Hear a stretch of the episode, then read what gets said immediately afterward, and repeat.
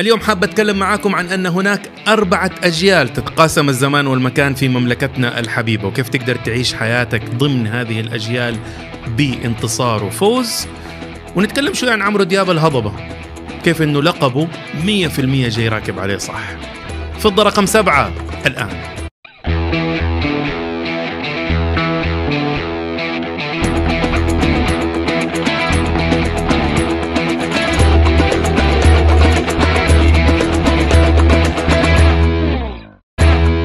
السلام عليكم. معكم ياسر بكر وحالي هو أحسن مما أستحق وأتمنى أن حالكم هو أفضل بكثير حتى مما تتمنون. أهلا وسهلا بكم في فضة سواء كنتم تشاهدون أو تستمعون من أحسن بلدان الدنيا المملكة العربية السعودية. حفظها الله لنا وسخرنا دوما لخدمتها. أو إذا كنتم تشاهدون أو تستمعون من أي بلد من بلدان هذا العالم الجميل أهلا وسهلا بالجميع. في رأيي الشخصي إحنا اليوم عايشين في المملكة العربية السعودية وموجود فيها أربع أجيال. أربعة أجيال مختلفة واضحة الملامح. ماني متأكد إذا علماء الاجتماع حينبسطوا كثير باللي أنا بقوله لأنه يمكن الجيل يجلس 25 سنة وما تقدر تبدأ تسمي الجيل جيل إلا لو أفراده كلهم تجاوزوا مرحلة التأسيس الأولى يعني فوق العشرين فصعب تلاقي في فترة معينة أكثر من ثلاثة أجيال واضحة الملامح. لكن حقيقي في أربعة اليوم في المملكة العربية السعودية. إذا أخذنا الأساسيات اللي تحدد الجيل كثلاثة أساسيات. الأولى هو الجيل هذا كيف نشأ؟ إيش ظروف نشأة وتشكيل هذا الجيل في الفترة حق طفولته وشبابه. والعنصر الثاني إيش أهم الصفات؟ إيش أهم التصرفات حقت الجيل؟ والعنصر الثالث إيش هذا الجيل يستهلك؟ إيش يستهلك ثقافيا؟ إيش يستهلك تجاريا إيش يستهلك فكريا. حقيقة حنلاقي إنه عندنا أربعة أجيال مو ثلاثة مو اثنين لكن أربعة. على فكرة لو تشابهت هذه الثلاث الظروف اللي هي النشأة والظروف المحيطة العادات والتصرفات والأشياء اللي يتصرفوا فيها والاستهلاك لو تشابهت بين ناس هم من نفس الجيل حتى لو بينهم عشرين سنة أو أكثر. ولو اختلفت فهم من أجيال مختلفة حتى لو كان بينهم خمس سنوات أو أقل. فنبدأ نعطيكم الأجيال الأربعة. أول جيل حنسميه جيل الطيبين. الطيبين الأصليين. مو مواليد التسعينات صاروا يسموهم الطيبين. بتكلم على الأوجيز. الطيبين اللي هم من مواليد ما قبل السبعينات. يعني أي أحد في المملكة اليوم عمره أو عمرها من 51 سنة وطالع. اللي أعمارهم 50 60 70 80 90 البعض ممكن ينصدم. ممكن في واحد بيتفرج علي عمره 51 وأمه 71 فبهذا السياق هو وأمه من نفس الجيل. لكن هو يشوف إنه هو وأمه مو بس من أجيال مختلفة لكن من كواكب مختلفة. أقول له المسألة بالمقارنة. يعني أنت شايف إنه أنت في الدور التاسع والدتك تسكن في الدور الحادي عشر بس من منظور الدور الأرضي أنتوا الاثنين فوق. فهي المسألة نسبة وتناسب. فنرجع جيل الطيبين. أولا نشأته الظروف. هذا شاف العجب اللي يعتبر من جيل الطيبين. شاف الاتحاد السوفيتي في القمة بعدين شافوا انهار شاف الحلم العربي شاف عبد الناصر شاف المملكة تمر بأشياء مختلفة وبظروف مختلفة. شاف كل شيء. ما في شيء ممكن يصعقه أو يفاجئه. وفي نفس الوقت هذا الجيل هو جيل الندرة. الموارد كانت قليل التجارب كانت قليل الإمكانيات كانت محدودة. اليوم إذا في طفل في عائلة ما دون المتوسط أو حتى في عائلة محدودة الدخل فمستوى العيشة الدخل حقه الرفاهية العناية الخيارات الاحتمالات اللي عنده أحسن بكثير من أطفال ذلك الجيل أميرهم وغفيرهم. فاحنا بنتكلم عن جيل نشأ في فترة الندرة كانت أساسية. فجيل الطيبين هذه هي ظروف نشأته. هذا رقم واحد. رقم اثنين كيف يتصرف؟ أهم صفتين موجودة في هذا الجيل. الأولى إنه مثالي. مثالي. أكثر جيل هذا على فكرة مع إنه كبير في السن لكن أكثر جيل حيوي وراديكالي وثوري كده في, في, في من أجيال السعودية. لكنه مثالي. إذا غيرت شوية ما ما, ما يبغى. يبغاك تجي بالضبط زي ما هو بتخيل. يبغى الموضوع دائما يجي بيرفكت إذا ما وصلنا لأمريكا وأوروبا ليش بنحاول؟ انتهى الموضوع. إذا ما حنرجع لزمن الصحابة ما في فايدة. يا عمي صلي على النبي. نكتشف إحنا عالمنا الخاص. لا ابدا. هو ده الصح لازم توصل للقمة. هذا هو الجيل حق لو جبت له شهادة درجة 99 يقول لك آخ بس لو جبت كمان 1% زيادة. هذا هو الجيل اللي قلت له فلانة بروفيسورة اخترعت شيء أنقذ مئات الآلاف من البشر وحصلت على وسام الملك. يقول بس هنا الطرحة بس لو تنزلها شوية بس هذه الحتة لو ما تبان. وهو هذا الجيل اللي يقولوا لها مبروك يا فلانة ولدك أصبح وزيرا يعين الملك أو رئيس وزراء. تقول أيوه بس لو ما تزوج هذيك وتزوج بنت أختي. فجيل مثالي. إذا إذا لازم يتفق معك مئة في المئة علشان يكون معك آه، مية في المية فهذه الصفة الأولى جيل مثالي. ثاني صفة في تصرفات جيل الطيبين إنه جيل محافظ. محافظ تظهر بالتدين بس مو بس تدين. محافظ في كل شيء محافظ في الوقت ما يبغى يصرف ما يحب ما يحب البذخ في الصرف البذخ في العلاقات. محافظ في الوقت محافظ في العلاقات. ترى ممكن تكون مع سيدة وما تتكلموا في شيء ديني تعتقد أنك أمام شيخة. رجال من هنا حريم من هنا. هذا عيب لا تلبسي كده لا تقول كده ما يصير. بعدين تكتشف مو بس إنه ما هي متدينة يمكن حتى تكون تصل لدرجة العلمانية لكن محافظة. فهذا الجيل عنده صفتين أساسية إنه محافظ رقم واحد ومثالي. إيش يستهلك؟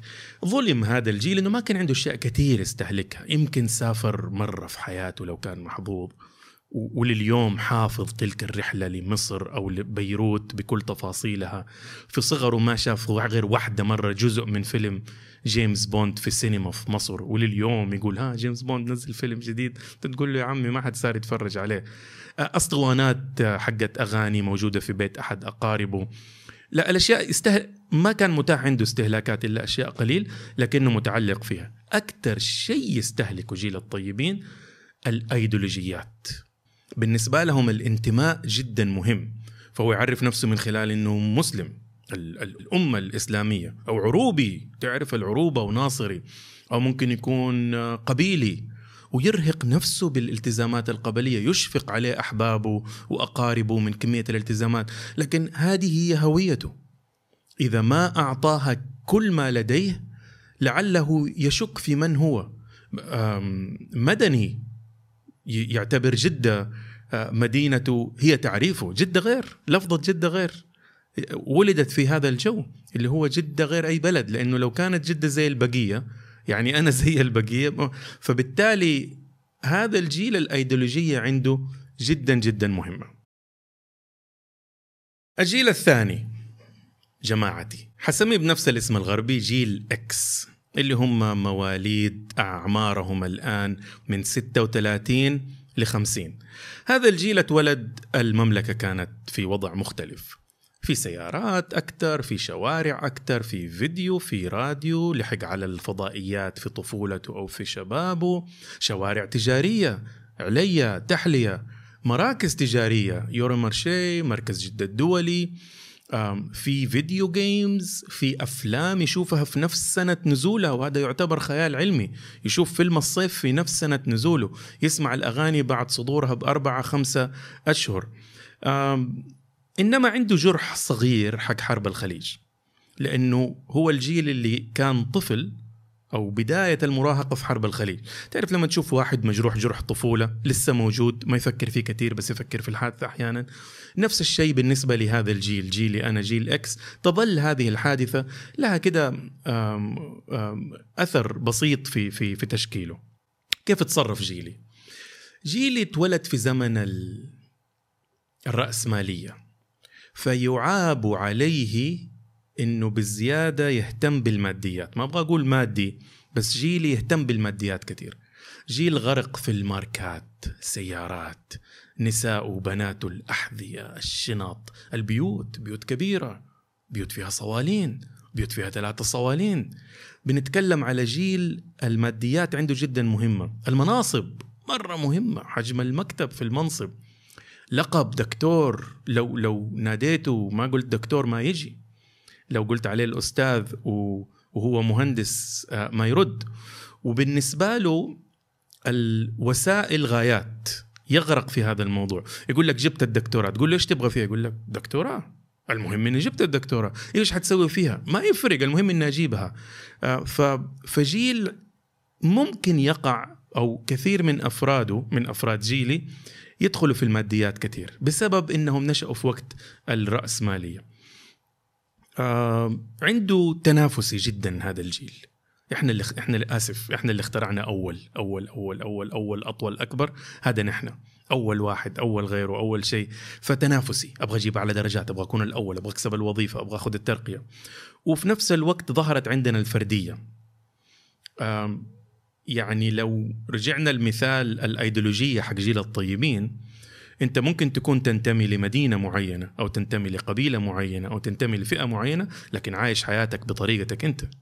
يعني برا محترم تماما لهذا الانضباط اللي عندك ولهذا الانتماء اللي عندك لكن جوة بيتك عايش عيشتك بطريقتك آه، عايش حياتك بطريقتك. تتزوج وتربي وتستثمر وتشتغل بالطريقة اللي أنت شايفها. إيش يستهلك؟ طبعا كان عنده خيارات أكثر من الجيل اللي قبله. أشرطة كاسيت أشرطة فيديو فثقافيا كان عنده خيارات أكثر. لكن أكثر شيء يستهلكه جيل X هو الماركات البراندات. يستهلك رتب يستهلك مناصب يستهلك شنط سيارات فيستهلك البراندات بشكل كبير. الجيل الثالث جيل الألفية. مو لأنهم من مواليد الألفية لكن لأنهم تربوا في الألفية. وهم الجيل اللي أعمارهم من 26 ل 35 فترة ضيقة جدا 10 سنين بس. وبعضهم وفي ناس يسموهم آه، جيل الضايعين.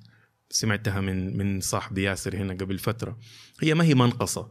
هي مسألة إنهم فترة بسيطة بعض لا, لا إلى هؤلاء ولا إلى هؤلاء. بعضهم يشوف نفسه طب ضمني مع جيل جيلي أنا جيل X والبعض الآخر يقول لا خلونا مع اللي تحت 25 بس حقيقي هم جو في فترة معينة ومضطرين نخليهم جيل آه، منفصل.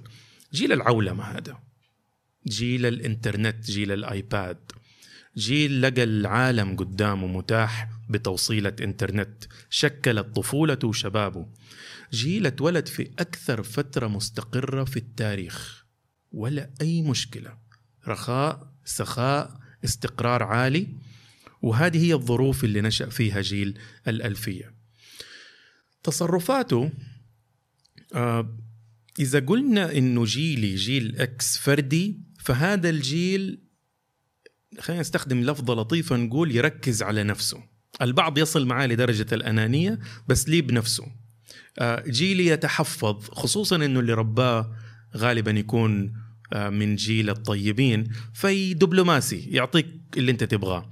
هذا الجيل لا أنا هذه طبيعتي أنا هذه طريقتي أنا حركز على اللي أنا بعمله. اهتمامه عالمي يسمع أغاني أنواع مختلفة أفلام مختلفة ذائقة مختلفة ملابس مختلفة يعمل أشياء أعمق بكثير ومختلفة تماما عن الأجيال اللي قبله. يعني الجيل الأول هي أم كلثوم أو عبد الحليم أو طلال أو محمد عبده. جيلي أنا غربي شرقي يعني هذه التقسيمة ما في تقسيمة كبيرة. الجيل الحالي يدخل لك في تفاصيل أغاني الفرق والألوان الفنية المختلفة. لكن أكثر صفة في جيل الألفية إنه جيل التساؤل جيل الأسئلة. إحنا واللي أكبر نشوفهم آه بال بال بالحجاز يقولوا عليه قلق بال بلهجة أهالي النجد يقولوا عليه بثر تساؤل كثير. هم جيل الهشتقة جيل التساؤلات جيل الاعتراضات جيل أنا صوتي مسموع. فهذا الجيل هويته داخل فيها هذا الموضوع لأنه جيلي كان يسأل كتاب مدرس والده آه، وبس والإجابة اللي تجيله هذه هي الإجابة. هذا الجيل هو أول جيل قدر يحصل المعلومة بشكل مستقل فأصبح كائن متسائل وهذا شيء جميل فيه إذا ما خلاه يخرج عن السيطرة وخلاه تساؤل بدون أي مساهمة. ثقافته الاستهلاكية ما هو زي جيلي بزيادة ماركات يهمه التجربة. أنا جيلي يبغى يسافر business class وفندق خمسة نجوم. هو ما عنده مشكلة يسافر بطريقة عادية ومعاه شنطة على ظهره ويروح بلد نائية ويمر بالتجربة. يحب يستهلك تجارب مو ماركات. علشان كده الفعاليات والمهرجانات تعتبر مثالية لي. هي أفضل تجربة. ليش أروح مطعم ممل؟ أنا أبغى أروح مهرجان أجلس فيه نص يوم. ما يستهلك ماركة يستهلك هوية. في حذاء أكرمكم وأجلكم الله اسمه تومز. يعشقوا هذا الجيل لأنه هذه الشركة مقابل كل حذاء تشتري يقوموا بإعطاء آه، حذاء لطفل حافي في دولة تعاني كثيرا. فلما تلبسه انت ما بتلبسه لأنه شكله ولا ماركته لكن بتلبسه لأنه هوية معينة مرتبطة بقضية. آخر جيل كتاكيتي على قول الأستاذة هند القحطاني شهيرة السناب شات. جيل حسميه برضو بالاسم الغربي جيل زد أو جيل ياء. هم الناس اللي تحت 26 اللي أعمارهم 25 فما دون. وما بقول كتاكيتي استنقاصا ولا شيء لكن بقولها بسبب فرق السن الكبير اللي موجود بين أبناء جيلي وبين هذا الجيل. جيل المستقبل. إيش ظروف نشأة هذا الجيل؟ اللي هو أمس. ظروف نشاته التحرر. صحي فتح عيونه لقى عالم متحرر. متحرر فكريا وثقافيا. جيل التحرك أنت فين؟ ما يفرق أنا موجود أنا أونلاين. هذا الجيل آه، ولد في زمن في عندك ال multiple realities الحقيقة حقته ما هي بس الجسدية. يعني هو عايش بجسده في البيت. عمره 18 عمرها 18 عايشة بشزت بشزتها في البيت تستخدم مرافق البيت إذا جاءت تستخدم ثلاجة البيت بس عندها حياة مختلفة تماما على تيك توك. حياة بنفس قيمة هذه الحياة. فتقول لها أية حياتك؟ تقول الاثنين. هذه حياة وهذه حياة. جسدي هنا بس مخي أبدا مو هنا. والله لو ضربوا الجدران ألوان جديدة ما تكتشف إلا بعد ثلاثة أشهر. لأن جسدها محبوس هنا في هذه الظروف لكن هي عقليا في منطقة مختلفة تماما. آه الشبكات الاجتماعية جيل الألفية يدمنها، جيل يدمنها، جيل الطيبين يدمنها. جيل زد جيل ياء عايش فيها المسألة مختلفة تماما فلا تعتقد إنه بس لمجرد انه أنت كمان تعتبر مواكب الشبكات الاجتماعية فاهم هم كيف بيشوفوها. تصرفاته وعاداته لسه ما هي واضحة. وده الجيل حيكبر. هذا الجيل أنا حاكمته بالناس اللي أعمارهم 25 ل 16 لكن لما يكبروا اللي أعمارهم 10 و5 حينضموا لهم. وأتوقع إنه هذا الجيل حيكون عريض مو زي جيل الألفية بس 10 سنوات. آه، فغير واضح الملامح لسه. الملمح الوحيد اللي واضح عليهم من صفاتهم إنهم واقعيين. أكثر أجيال المملكة واقعية على الأطلاق على الإطلاق. واقعي. ما هو إكسترا حالم زي جيل المحافظين اللي هو جيل الكبار الطيبين؟ لا واقعي جدا. عنده استنتاجات وقناعات يعرفها وهو عمره 18 باقي الأجيال ما عرفتها أو ما حتعرفها إلا لما تتجاوز الأربعين. استهلاكه بلا حدود. يعني إحنا جيلنا كان يدخل في الشيء بعدين يسيبه. هو يدخل في الشيء ويدخله في شيء ويدخله فاستهلاكه يتعمق بلا حدود. يدخله في منطقة أخرى المنطقة أخرى المنطقة أخرى. فما في حد لقدر استهلاكه. ما يعرف هو إيش يحب لكن يعرف إنه ما هو زي البقية. تبغى واحد من جيل تحت 25 يصبح غاضب جدا. قل له يا الله كلكم تحبوا دي الأغنية. فورا يقول لك أنا ما أحبها. يعني إذا يعرف شيء عن نفسه إنه هو ما له علاقة بالآخرين. أغلط كده بس وقول لي واحدة عمرها 23 إنها تشبه في تصرفاتها أحد عمره 28 هذه تقريبا إهانة لها. مو منقصة من اللي عمرها 28 لكن لأنه أنا مختلفة أصلا ولا أشبه توأمتي آه، بحال من الأحوال. إيش يستهلك هذا الجيل؟ أيضا واحدة من أجمل الأشياء اللي موجودة فيه بجانب واقعيته إنه الأخلاقيات عنده عالية. قضايا الإنسانية الحريات المساواة قضايا الأجناس المختلفة حماية الكوكب حماية الحيوان عدم تجاوز الحقوق مع الآخرين موجود مؤشرها بشكل ملفت مقارنة بالأجيال الأخرى عند هذا الجيل الأخير جيل زد أو ياء. تحتاج توظف مفهوم الأجيال لمصلحتك. تحتاج تعيش حياتك مع الأجيال المختلفة بغض النظر عن جيلك زي ما عمرو دياب سوى في عالم الغناء. عمرو دياب أنا أنا ما أعرف كثير الأغاني العربية لكن عمرو دياب ظاهرة. أنت بتتكلم عن رجل وصل للنجومية وبقي فيها ل 35 سنة. 35 سنة مو يغني 35 سنة نجم. من منتصف الثمانينات إلى اليوم. عمل إعلانات 7 أب آه، من كم سنة وأنا ميال ميال أفلام أسطورية آه، غيرت كثير آه، فيلم العفاريت قضية اجتماعية أول مرة السينما المصرية تعالج قضية اجتماعية مو بإسقاط سياسي ومش عارف إيه. لا مجرد قضية تشوفها تخرج من الفيلم تقول والله لازم نفكر في موضوع أطفال الشوارع. آيس كريم في جليم يعتبر ثورة في الموضة وفي التفكير. فيديو كليبات عمرو دياب كسر القالب حق المغني الرومانسي اللي سايح على نفسه. بمنظر مختلف تقريبا شبه محترف كرة قدم عمرو دياب وأصبح وحش CrossFit في آه، العقد الأربعين والخمسين من عمره مقارنة بالصورة النمطية حقت المغني الرومانسي عبد الحليم إيهاب توفيق مصطفى قمر عبد المجيد عبد الله راشد الماجد غير المعادلة هذه تماما. إذا عشت حياتك زي الهضبة واللي اسم هضبة جاي مية في المية مظبوط عليه الهضبة تجمع ما بين ارتفاع الجبل واستمرار واستمرارية السهول. فهو جمع الحسنيين وفعلا وصل للنجومية في منتصف الثمانينات و35 سنة عليها. من أيام ميال ميال إلين آخر الأيام دي اللي بينزل أغنية جديدة اسمها محسود وعاملة دوشة في, في ال social media. كيف تقدر تعيش حياتك زي عمرو دياب؟ أبغاك تتخيل أنه الأجيال الأربعة اللي كلمتك عنها هي نفس أجيال مصر. أكيد مصر لها أجيال مختلفة لكن افترض أن نفسهم موجودين. فلو أنت من جيل الطيبين أنت هذا معناته إنه لما عمرو دياب طلع على الساحة أنت كان عمرك 15 ل 40 يعني 100% أمورك تمام معاه.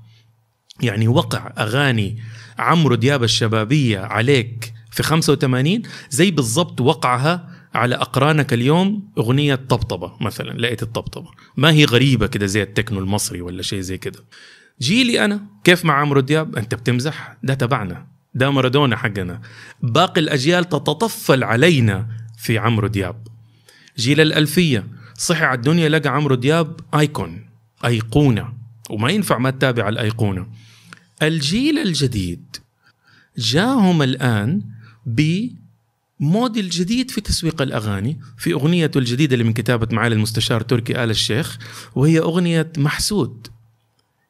بيتروج لها من خلال حملة تعتبر يسموها سنوبول افكت أثر كرة الثلج إنه كلكم غنوها بعدين أنا حغني لكم هي وحتصير أغنيتنا كلنا.